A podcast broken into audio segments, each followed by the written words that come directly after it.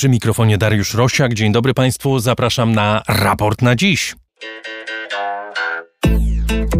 Reforma wymiaru sprawiedliwości w Izraelu wstrzymana po tym, jak setki tysięcy ludzi wyszły na ulicę w proteście przeciwko planom rządu. Reformę krytykuje prezydent kraju, również prezydent USA Joe Biden wezwał premiera Netanyahu do porzucenia reformy. O co w niej chodzi? Dlaczego wywołuje tak ogromne emocje? I czy rzeczywiście na ulicach Tel Awiwu, Jerozolimy i innych miast toczy się dziś batalia o polityczną, prawną i społeczną tożsamość Izraela? O tym w raporcie na dziś 29 marca 2023 roku. Raport na dziś to środowa odmiana raportu o stanie świata, programu dostępnego za darmo dla wszystkich dzięki ofiarności prawie 7 tysięcy patronów, którzy wspierają nas finansowo. Z serca dziękuję za wszystkie wpłaty, niezależnie od ich wysokości, a wszystkim, którzy mają ochotę dołączyć do wspaniałego grona patronów raportu, zapraszam na mój profil w serwisie patronite.pl. Za jego pośrednictwem najłatwiej nas wesprzeć. Nasz adres mailowy raportrosiaka.gmail.com Adres naszej strony raportostanieświata.pl. Zapraszam do korzystania z treści na niej zawartych.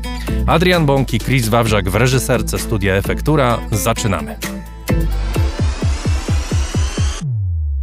Moim gościem jest dziś dr Agnieszka Bryc z Uniwersytetu Mikołaja Kopernika w Toruniu. Dzień dobry. Dzień dobry.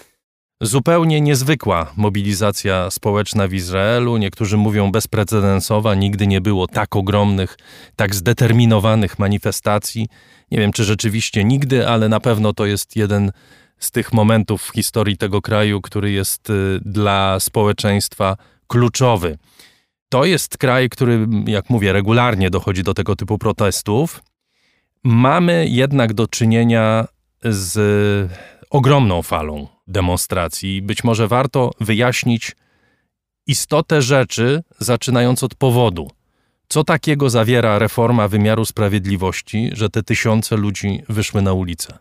Och, mogę tylko tak rozpocząć i chyba spuentować, bo zmiany proponowane czy zapowiadane przez Netanyahu i jego koalicjantów e, są poważne i one w zasadzie od nich zależy trwałość też koalicji. To też warto pamiętać, że to są zmiany, na które naciskają e, koalicjanci, ci kluczowi, czyli głównie Ben Gwir i Smotrich.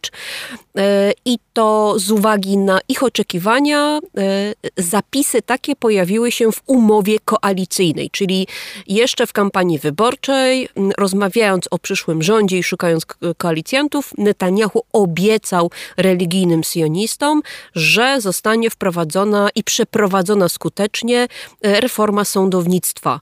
E, Jaki jest jej cel, co zawiera? Cel zależy od tego, e, z czyjej perspektywy patrzymy. To, co zawiera zawiera przede wszystkim e, zmianę e, taką kluczową, czyli dotyczy Sądu Najwyższego.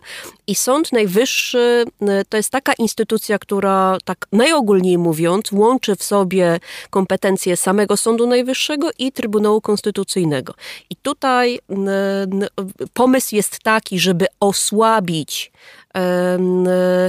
Sąd Najwyższy dwojako. Po pierwsze, e, wprowadzając tak zwaną klauzulę uchylającą w nowej ustawie, i ta klauzula uchylająca uchylałaby taki mechanizm, w którym Sąd Najwyższy e, w oparciu o swój wyrok uchyla ustawę Knesetu, parlamentu Izraela, która jest niezgodna z jedną z dwunastu ustaw zasadniczych.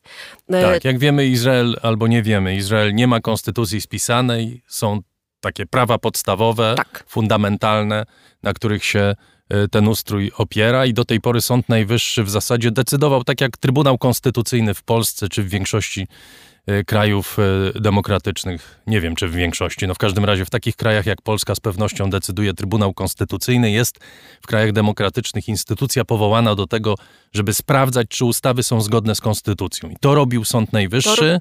I jak rozumiem Netanyahu chce, żeby Sąd Najwyższy stracił ten przywilej i żeby parlamentarzyści mogli przegłosowywać swoje ustawy, mimo że one mogą się wydawać sądowi niezgodne z tymi prawami fundamentalnymi. Tak, pomysł jest taki, żeby taki wyrok Sądu Najwyższego mogła obalić większość 61 głosów ze 120. Czyli zwykłą większością. Zwykłą większością, co powoduje mm, sytuację taką, powiedziałabym, paradoksalną, bo e, Kneset uchwaliłby ustawę, którą e, zawetowałby Sąd Najwyższy i jeszcze raz dokładnie tą samą większością głosów, a nawet mniejszą, bo wystarczyłoby 61 głosów w parlamencie, obalić weto Sądu Najwyższego, co powoduje, że tutaj pojawiają się oskarżenia o to, że Netanyahu chce rozsadzić te check and balances, czyli takie e, e, bezpieczniki praworządności w państwie Izrael. To jest jeden, to jest jeden pomysł, pomysł na reformę, drugi pomysł na reformę, to znaczy drugi element tej samej reformy, czy propozycji reformy, i także dotyczy Sądu Najwyższego, to jest y, nowy sposób y, awansów y, do. Powoływania sędziów. Powoływania sędziów. Rząd chce mieć więcej głosu. Do tej pory wybiera sędziów specjalny komitet złożony w jednej e, trzeciej z polityków, e, tak z opozycji, jak i z koalicji rządzącej, ze przedstawicieli środowisk sędziowskich i z przedstawicieli Izby Adwokackiej. Czy to nie jest tak, że politycy nie mają wpływu, ale zarzut jest taki ze strony Netanyahu, że to jest ciało niewybieralne. Środowisko je... wymiaru sprawiedliwości, czyli sędziowie i adwokaci mają więcej głosów niż politycy. Wybierani. Tak. W tej chwili. Tak. A Netanyahu chce to przerzucić na... A Net Netanyahu chce mieć większość. Chce zmienić tą, te, ten balans, tak, zmienić te chce proporcje. mieć proporcje tak, żeby to politycy wybierali sędziów. Mówiąc, że nic takiego groźnego się nie dzieje, to są argumenty Netanyahu, że takie systemy już funkcjonują, że sędziowie wybierani no on są... mówi, że on nie robi nic innego jak takie kraje, nie wiem, jak Niemcy czy Stany Zjednoczone, gdzie powoływanie sędziów jest po prostu procesem nie politycznym, tylko partyjno-politycznym. W przypadku Stanów Zjednoczonych to przecież prezydent powołuje sędziów. E, Sądu Najwyższego. Nie ma, mówi Netanyahu, ogólnodemokratycznej, światowej zasady, która jednoznacznie określa, jak powinni być wybierani sędziowie. Zresztą Jarosław Kaczyński to samo mówi. Tak. I Viktor Orban i wielu innych tego typu polityków. Mało tego, jeszcze dodajmy, przecież politycy opozycji izraelskiej tak samo zwracali przez lata uwagę na to, że ten system nie jest dobry, nie jest idealny, mówiąc najoględniej, i powinien być reformowany. Tak, ale reforma oznacza korektę rozsądną, zachowującą e, równowagę w, w, ramach państwa demokratycznego, a nie rewolucję, która daje pełnię władzy koalicji rządzącej. Bo tu nie... No to teraz sam Netanyahu mówi, że też, że nie powinniśmy się odbijać od ściany, prawda? Jak już, już jak się wycofywał z tego, dojdziemy za chwilę tak. do tego, ale też mówi, że nie można grać skrajnościami, prawda? Chodzi o to, żeby ta reforma nawet, rozumiem, w myśleniu opozycji, jeżeli ta reforma miałaby nastąpić, to nie w ten sposób, że po prostu politycy będą decydować, czy parlament tak. będzie decydował o tym, kto będzie sądził ludzi i jak będą zapadały wyroki. Tak, e, bo paradoks naprawdę i to niebezpieczeństwo polega na tym, że mm, Kneset może uchwalić ustawę, którą nazwie ustawą zasadniczą, znaczy jedną z tych ustaw zasadniczych e, i może wprowadzić każde, nawet absurd, absurdalne prawo. W tym momencie, no nie wiem, na przykład, że mm, prawo wyborcze mają tylko mężczyźni powyżej 50 roku życia mm, i na przykład nie, i tylko żydziaszkę nazyjscy, tak? Jakby za, załóżmy, albo tylko sefaradyjczycy, cokolwiek. E, wówczas byłoby to prawnie jakby ważne. Sąd Najwyższy, prawda, uznałby w swoim wyroku za, znaczy postawiłby weto e, i te każdy absurdalny pomysł byłby, znaczy, to znaczy weto w stosunku specjalnie do takich podałaś, absurdalnych... Specjalnie podałaś absurdalne pomysły, ale na przykład odebranie, a przynajmniej bezznaczne ograniczenie praw Arabów, to już tak. nie jest absurdalne, prawda? Nie, to nie to, jest surrealizm. To nie jest surrealizm, to jest wielce prawdopodobne, zwłaszcza mając takich e, koalicjantów jak religijny syjonizm, bo Ben Gwir i Smotrich to są ci politycy, którzy już od dawna mówią, że należy przywrócić, a w zasadzie nie tyle nagle przywrócić, co z, ożywić karę śmierci, przy czym ta kara śmierci dotyczyłaby w pomyśle tych polityków tylko i wyłącznie terrorystów palestyńskich, a nie terrorystów w ogóle.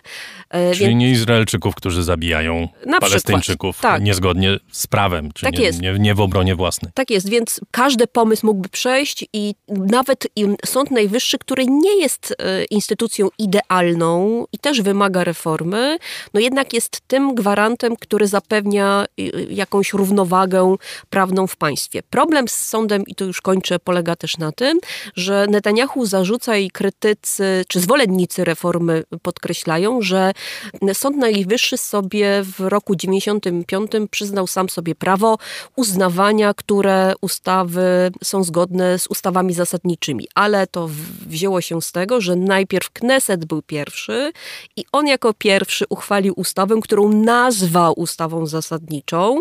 E, więc to był krok pierwszy. Krokiem drugim było to, że Sąd Najwyższy w obliczu tej nowej sytuacji, mając jedną z ustaw nazwaną ustawą zasadniczą, uznał, że ona ma tak zasadnicze znaczenie, że każda inna niezgodna z tą prawda, jedną ustawą zasadniczą, e, musi ulegać zmianie.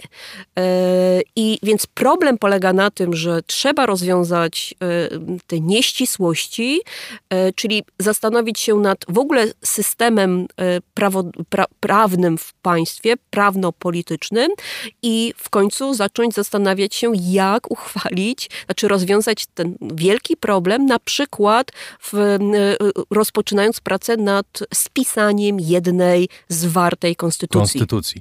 Do tego, skoro szukamy powodów y, tego niezadowolenia ludzi i tak wielkiej erupcji tego protestu, to dochodzi oczywiście sprawa samego premiera, wobec tak. którego toczy się proces mm, o korupcję.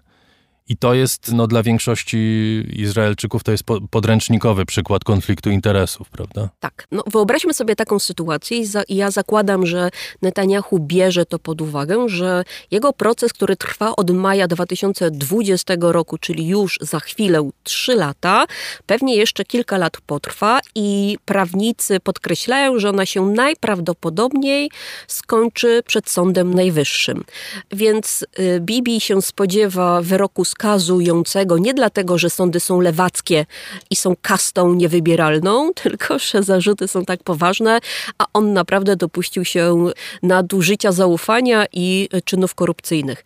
Więc e, z perspektywy Netanyahu on ma opcję taką, czyli uciec do przodu, czyli wykonać taki manewr taktyczny, czyli osłabić swojego przeciwnika, ostatecznie tego, który ewentualnie rozpatrywałby jego apelację, czyli Sąd Najwyższy i sędziów e, Sądu Najwyższego. Czyli on proponując zmiany, które uderzając głównie w Sąd Najwyższy i w sposób wybierania sędziów, on wysyła sygnał, że trzeba z nim rozmawiać. Może prokuratura pójść na ugodę, czy sąd może pójść na ugodę. Ja myślę, że na to Netanyahu jest otwarty, a każdy sędzia, który zasiada w składzie sędziowskim, musi się osobiście zastanawiać, czy jego kariera zawodowa tym samym poprzez tą reformę nie zostanie zatrzymana, a on będzie miał, prawda, zablokowane ścieżki e, awansu. To już jest bicie bardzo, y, nawet nie po kolanach, ale i po nerkach, czyli bardzo gra polityczna i Netanyahu w, w sprawie sądownictwa niech, najmniej wydaje mi się chodzi o sądownictwo, chociaż tutaj pretekst ma jakby nie było poważny, ale on przede wszystkim gra o to, żeby uniemożliwić mu wieloletni wyrok skazujący. Dobrze, od y, stycznia tak. trwa ten proces. Mieliśmy w niedzielę kulminację. Dramatyczne sceny w wielu miastach izraelskich i deklaracja Netanyahu, która kończy sprawę. Nie kończy sprawy. Dobrze, na razie kończy sprawę. Koalicja pozostaje nienaruszona, ludzie zeszli z ulicy, reforma nie jest odrzucona, tylko co najwyżej przesunięta w czasie. Mało tego, coraz wyraźniej słychać głosy zwolenników reformy, którzy również wychodzą na ulicę. O tym nie warto zapominać, nie można zapominać, bo to też nie należy ulegać złudzeniu, że ten kraj nie jest podzielony. On jest podzielony. Tak jak Kneset jest podzielony prawie pół na pół, tak samo ten kraj jest podzielony prawie pół na pół. Znowu Netanyahu ugasił pożar, mimo że wydawało się, że spłonie jako pierwszy. Jak tego dokonał? Jak to się stało? E, już się zdążyliśmy nauczyć tego, że nawet jeżeli Netanyahu stoi na skraju przepaści, e, to. Wszyscy wpadają, tylko nie on. Tak jest, wszyscy wpadają, tylko nie Netanyahu. To jest mistrz unikania katastrof. Znaczy, on kilka pomniejszych zaliczył, stracił władzę, ale jego wielkość, ale taka wielkość polityczna, czyli sprawność polityczna polega na tym, że on potrafi powrócić, yy, czyli odbudować się po dramatycznej yy, przegranej. Yy, poza tym to jest polityk, który jest tak elastyczny, że on jest w stanie e, zawrzeć każdą umowę, każdą ugodę i każdą z tych umów czy ugód zerwać. Więc. Tutaj to nie chodziło chyba o zawarcie ugody, a może chodziło, bo on rzeczywiście w poniedziałek po, cały mhm. czas biegał. Tak. Y, mieliśmy przesunięcie jego deklaracji, wystąpienia. I co dał koalicjantom, żeby go nie opuścili? Och, to jest w ogóle ciekawa historia, ale pamiętajmy, to co ugrał przede wszystkim Netanyahu to jest pauza, to jest e, gra taktyczna na czas, czyli e, próba skutecznego, e, prawie miesięcznego zdemobilizowania wszystkich tych, którzy od 12 tygodni wychodzili na ulicę. Czyli to jest taka sugestia tego, że, że reformy są zapauzowane, że być może rozpoczną się i już trwają, bo na dzisiaj były, znaczy na, na środę, tak, były za, zapowiedziane pierwsze pod egidą prezydenta y, y, negocjacje, ale Y, ani z agendy Knesetu, ani z zapowiedzi mm, Netanyahu i jego koalicjantów sprawa reformy czy tych konkretnych ustaw nie została zdjęta. To znaczy one są cały czas wiszą i będą procedowane po y, na pewno, i to jest zobowiązanie Netanyahu, powrócą na agendę do końca sesji letniej Knesetu, czyli do lipca. Czyli co najwyżej kilka miesięcy tak. uzyskał.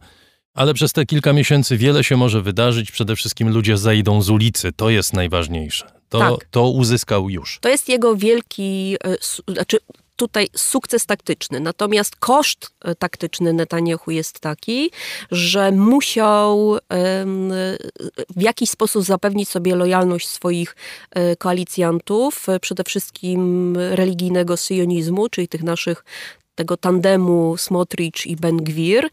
E, I w tym przypadku tym kosztem głównym jest obietnica złożona Ben-Gwirowi, że ten będzie mógł w ramach swojego ministerstwa, swoich kompetencji stworzyć... Ministerstwa Bezpieczeństwa Narodowego jeszcze dodajmy, prawda? Tak, Ben-Gwir. tak stworzyć e, Gwardię Narodową. I pytanie, y, czy ja nie wiem, czy ta gwardia ostatecznie powstanie, bo o, o, tej gwardii mówiła ta koalicja, mówiła poprzednia koalicja w różnych y, kształtach, formatach, pomysłach, ale dzisiaj na tapecie jest wariant y, proponowany przez Ben-Gwira. Y, tutaj problem polega na tym, że Ben-Gwir ze swoją przeszłością ekstremistyczną, bardzo radykalną, y, od razu nasuwa takie podejrzenie, że Gwardia Narodowa, która miałaby się składać z funkcjonariuszy mm, mm, jakby przesuniętych z etatów policyjnych czy straży granicznej plus mm, rezerwiści i plus wolontariat, oni staliby się taką milicją samego ministra. E, Równoległą do sił bezpieczeństwa Oczywiście, i policji. Tak jest. I to jest to, co niepokoi wszystkich, łącznie ze służbami bezpieczeństwa, łącznie z Shinbetem. Niektórzy politycy są na tyle cyniczni, mówiąc, że nie trzeba takiej formacji, no, czy, czy już ją ma, natomiast do niej wystarczy zrekrutować członków La Familii, czyli sektora kibolskiego y, i innych radykalnych osadników i sprawa, prawda, załatwiona. Więc obawy są takie, że to może być alternatywna formacja formacja taka, która e, oficjalnie miałaby za zadanie utrzymywać porządek w miastach mieszanych, e, tam gdzie mamy obok siebie społeczności i żydowską i arabską, a która miałaby zwalczać tak zwaną przestępczość izraelskich Arabów. Krótko mówiąc, byłaby to bojówka, która e, nie wiem, czy poprawiałaby stan bezpieczeństwa. No byłaby zbrojnym ramieniem tych ekstremistów żydowskich, tak którzy chcą się pozbyć po prostu Arabów z Izraela, a tych, którzy mieszkają na zachodnim brzegu, wszystkich traktować jak terrorystów. No to realnie by się pewnie do tego sprowadziło. Porozmawiajmy o tym wymiarze wojskowym i militarnym tego protestu, bo tutaj być może dotykamy istoty rzeczy. Jak wielu komentatorów zadaje pytania, czy to jest moment, w którym rzeczywiście kwestionowana jest tożsamość tego państwa, sposób, w jakim sami Izraelczycy myślą o sobie i o swoim państwie. Odwołany został minister obrony Joachim Galland, który nie zgadzał się z tą reformą. Czy to odwołanie nastąpi, czy nie, to jeszcze nie wiemy, bo on zdaje się ciągle pozostaje tak. na tym stanowisku. Nie dostał tego listu odwołalnego od premiera, ale to jest kwestia y, osobowa. Natomiast jeśli słyszymy o odmowie rezerwistów brania udziału w ćwiczeniach wojskowych, to tutaj już mamy do czynienia ze złamaniem absolutnego tabu, które funkcjonuje w życiu publicznym Izraela, bo w życiu publicznym Izraela nikt się nie uchyla od służby wojskowej, nawet jeżeli to robi to musi to robić w tajemnicy, bo to nie jest pochwalane, mówiąc delikatnie. Ten protest zadaje pytania o tę sferę państwa Izrael, która jednak do tej pory pozostawała poza sporami natury y, politycznej, wojska, obronności, bezpieczeństwa. I pytanie, dlaczego tak się dzieje? Czy to rzeczywiście nie zaczęło się już w czasie wyborów, kiedy dopuszczony został do władzy ktoś taki jak Itamar Ben-Gwir, który ma przecież wyrok za podsycanie nienawiści rasowej, za wspieranie organizacji terrorystycznych. Czy tutaj gdzieś nie zaczęła się ta ścieżka, która doprowadziła do tego momentu? Ona się zaczęła nawet znacznie wcześniej, wtedy kiedy Netanyahu zaczął swój flirt e, z partiami nie tyle religijnymi, co skrajnie e, prawicowymi jak religijni syjoniści, którzy tak naprawdę są konstelacją pomniejszych partii, tych, które zwyczajowo nie miały szans wejść do Knesetu, ale Netanyahu potrzebował um, zagospodarować te głosy skrajnej religijnej prawicy, w tym y, ruchów skrajnie ortodoksyjnych, a także osadniczych.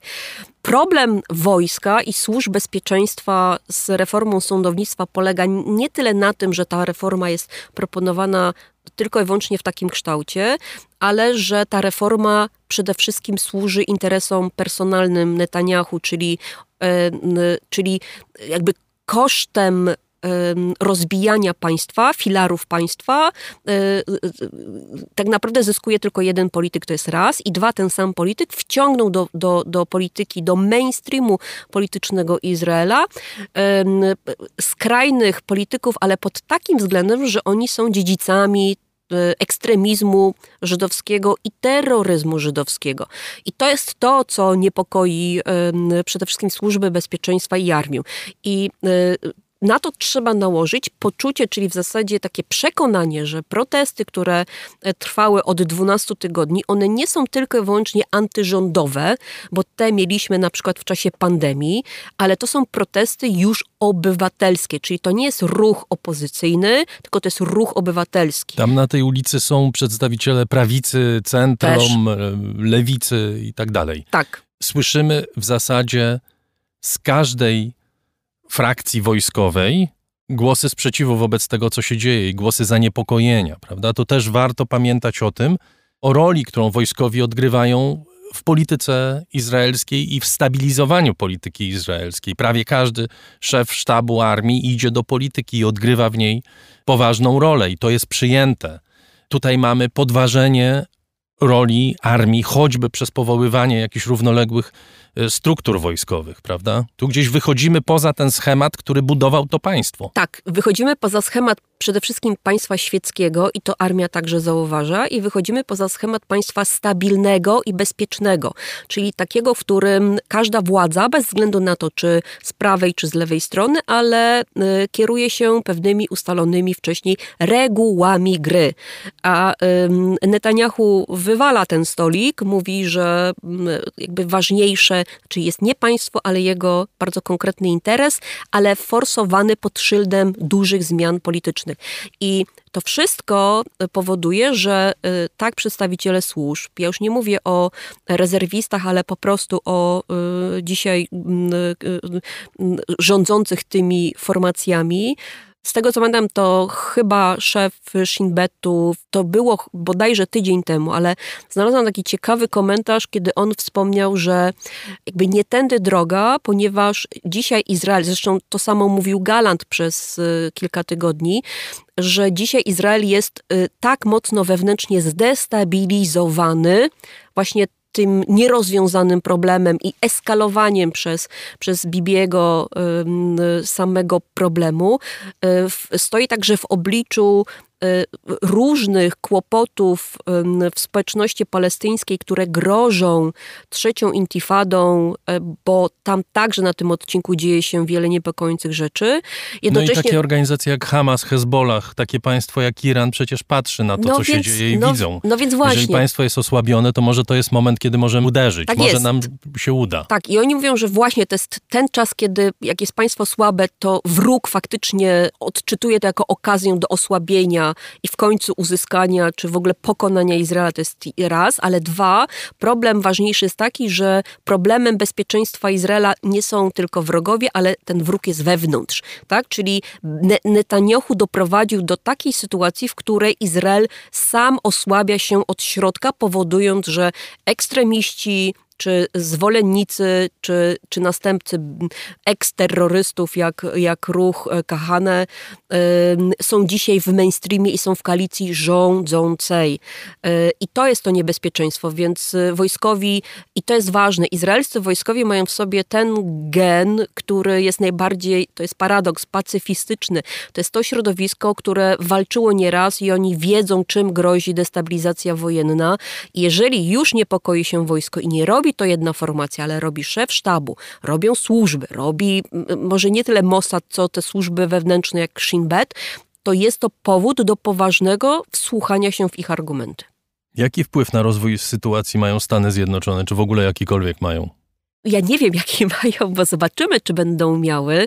Z jednej strony. No ale mamy prezydenta, mamy. który mówi: prawa człowieka są dla nas najważniejsze. Praworządność to jest coś, o co nam chodzi mamy prezydenta, który jasno wezwał Netanyahu do tego, żeby zrezygnował z tej reformy. To jest też dosyć specyficzna sytuacja, w której prezydent amerykański tak właściwie jednoznacznie i bezkompromisowo wzywa premiera innego kraju do tego, żeby po prostu zmienił prawo, czy zmienił swoje plany. Tak. A z drugiej strony mamy Netanyahu, który y, w sposób mistrzowski jest w stanie opierać się presji zewnętrznej, w tym presji ze strony Waszyngtonu. To jest ten sam polityk, który potrafił pojechać do Stanów Zjednoczonych i wbrew oczekiwaniom gospodarzy występować i nawoływać do poparcia polityki Izraela w stosunku do Iranu i tak dalej, i tak dalej. Czyli Netanyahu y, bazuje na tym, że y, Stany Zjednoczone zawsze naciskały, ta presja była dosyć silna, ale Izrael potrafił skutecznie się tej presji opierać. Ale tutaj jest taka wątpliwość, że wbrew pozorom, jeżeli ktokolwiek miałby skutecznie nacisnąć na Netanyahu, to są to Stany Zjednoczone. I oczywiście argumentów czy instrumentów jest y, kilka, i y, jeżeli Biden się uprze, bo to już jakby widać, że jest nastawienie takie, że e, jakby presja ze strony Stanów Zjednoczonych w kierunku takim, żeby Netanyahu poważnie potraktował zachętę do negocjacji, czyli takich prawdziwych negocjacji, a nie gry na czas. Mieliśmy pierwszy krok, czyli komentarz Bidena, nie tyle odwołujący, ale korygujący takie stwierdzenie, że premier Netanyahu może się wkrótce pojawić gościnnie w Waszyngtonie. Dzisiaj Biały Dom to skorygował, mówiąc, że w najbliższym czasie nie, nie jest oczekiwana wizyta premiera Izraela w Stanach Zjednoczonych, co oznacza, że tak długo jak nie będzie postępu na odcinku reformy, czy nie zostanie z, znaleziony kompromis, tak długo pewnie Netanyahu nie będzie przyjmowany oficjalnie w Białym Domu. Co więcej, można się spodziewać presji dyplomatycznej na forum także międzynarodowym, bo przecież Amerykanie mają argumenty e, takie wbrew pozorom istotne dla Izraela, czyli poparcie dyplomatyczne na forum ONZ-u, czyli za zakładam, że pewnie za moment się Palestyńczycy zaktywizują i będziemy mieli być może jakieś rezolucje, które będą uderzały w Izrael, a Stany Zjednoczone wstrzymają się od głosu, co nie zdarza się często. Być może będą, będzie presja także taka bardziej, e, powiedziałabym, konkretna, być może finansowa, bo pamiętajmy, że sądownictwo i tutaj y, oczywiście sygnały ostrzegawcze wysuwali wszyscy eksperci y, gospodarczy, mówiąc, że sytuacja ta szkodzi gospodarce Izraela. Inwestorzy się wahają, już sygnalizują, że wcale nie, nie, nie muszą inwestować w Izraelu, a ta główna, ta najbardziej atrakcyjna gałąź, gałąź e, izraelskiego, izraelskiej gospodarki, czyli high-tech, to jest innymi 10% zatrudnienia, 16% PKB i połowa eksportu. I oni już dzisiaj mówią, że tutaj są sygnały takie, że mm, inwestorzy zagraniczni szacują inwestycje w Izraelu jako e, daleko idące ryzyko, więc trzeba będzie poczekać kilka lat, żeby zobaczyć, ile kosztowała gospodarkę Izraela właśnie jakby próba zmiany czy wprowadzenia reformy sądownictwa. Znacznie wcześniej się dowiemy, czy ta reforma ugrzęźnie, czy ta reforma zostanie kompletnie usunięta z planów Knesetu, czy też może będzie próbował robić premier to, co udało się na przykład w Polsce partii rządzącej, tylko no, partia rządząca miała po swojej stronie prezydenta oczywiście. Akurat zresztą prezydent po tych protestach nie poparł polskich reform, ale no to zostało rozmyte i w tej chwili mamy to, co mamy. Zresztą te porównania polsko-izraelskie pojawiają się przy całej tej tak. historii. Natomiast y, może jedna istotna jeszcze rzecz, to jest jak zachowa się ulica, prawda? To będzie miało być może znacznie większy wpływ na to, czy ta reforma wejdzie w życie, czy nie, niż zakulisowe rozgrywki, bo to, co się stało na ulicach Izraela, to jednak było bezprecedensowe. Tak, tym elementem ryzyka dla Netanyahu jest przede wszystkim to, czy uda mu się w tym czasie on nie ma pewności, czy faktycznie ludzie no święta się, są w międzyczasie. Tak jest, rozleniwią prawda? się podczas świąt, czy później e, święta uzyskania e, niepodległości.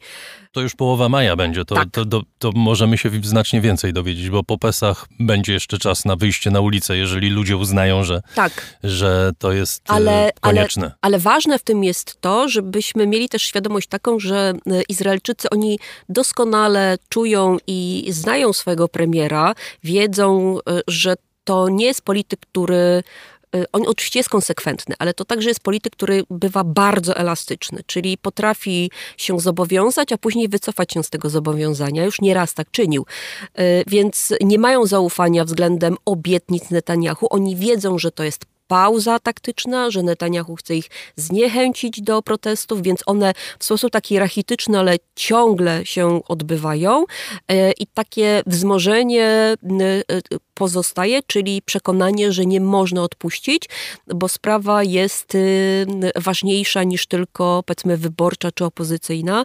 Więc ja zakładam, że Izraelczycy, i to jest to, jest to względem czego jestem prawie pewna, oni powrócą, tylko nie wiem w jakim, w jaki masowy sposób, ale jeżeli Netanyahu będzie chciał doprowadzić do drugiego i trzeciego czytania, powiedzmy w maju, no to te protesty one faktycznie wrócą, być może nie od razu w takiej skali jak e, w, w ten weekend, ale one przecież potrzebowało kilku tygodni, żeby, żeby się mocno rozkręciły.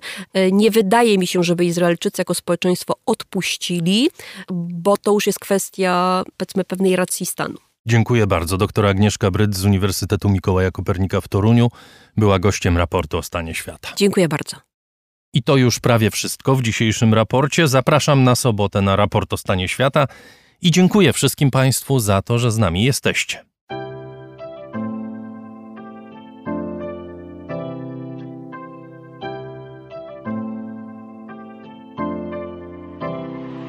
Raport o stanie świata od marca 2020 roku rozwija się dzięki Państwa zaangażowaniu i szczodrości. To dzięki Wam możemy opowiadać o świecie przy pomocy dźwięków. Dzięki Wam ten program jest przygotowywany w profesjonalny sposób z zachowaniem najwyższej jakości, bo na nią właśnie zasługują słuchacze raportu o stanie świata. Z serca dziękuję wszystkim Państwu za wpłaty. Wasza hojność jest dla mnie ogromnym zobowiązaniem. Zbiórka na patronite.pl ciągle trwa, zachęcam do udziału. Najhojniejsi patroni raportu o stanie świata to Budujemy halę Six Construction, Firma Ampio Smart Home. Aureus. Leasing, kredyt, ubezpieczenia, księgowość. Sprawdź nas na www.aureus.pl. Hotel Bania Termal w Białce Tatrzańskiej, oferujący pakiety pobytowe z termami w cenie. Mikosz Barczewski 2005 Global. Firma doradcza Crido. Galmet Polskie pompy ciepła. Gdzie polek.pl Wyszukiwarka leków w aptekach stacjonarnych i internetowych. KR Group Firma outsourcingowa www.krgroup.pl Razem w przyszłość. Polsko-Japońska Akademia Technik Komputerowych Warszawa, Gdańsk, Bytom. Michał Małkiewicz. Firma Software Mill. Od zawsze zdalni programują dla całego świata. Dom wydawniczy Muza, bo świat nie jest nam obojętny. Pure Play transparentna agencja mediowa digital i doradca w budowaniu kompetencji in-house. Uber. Myślimy globalnie, działamy lokalnie. Universal Music Publishing. Bank muzyki licencyjnej. Muzyka do oprawy podcastów, gier, filmów.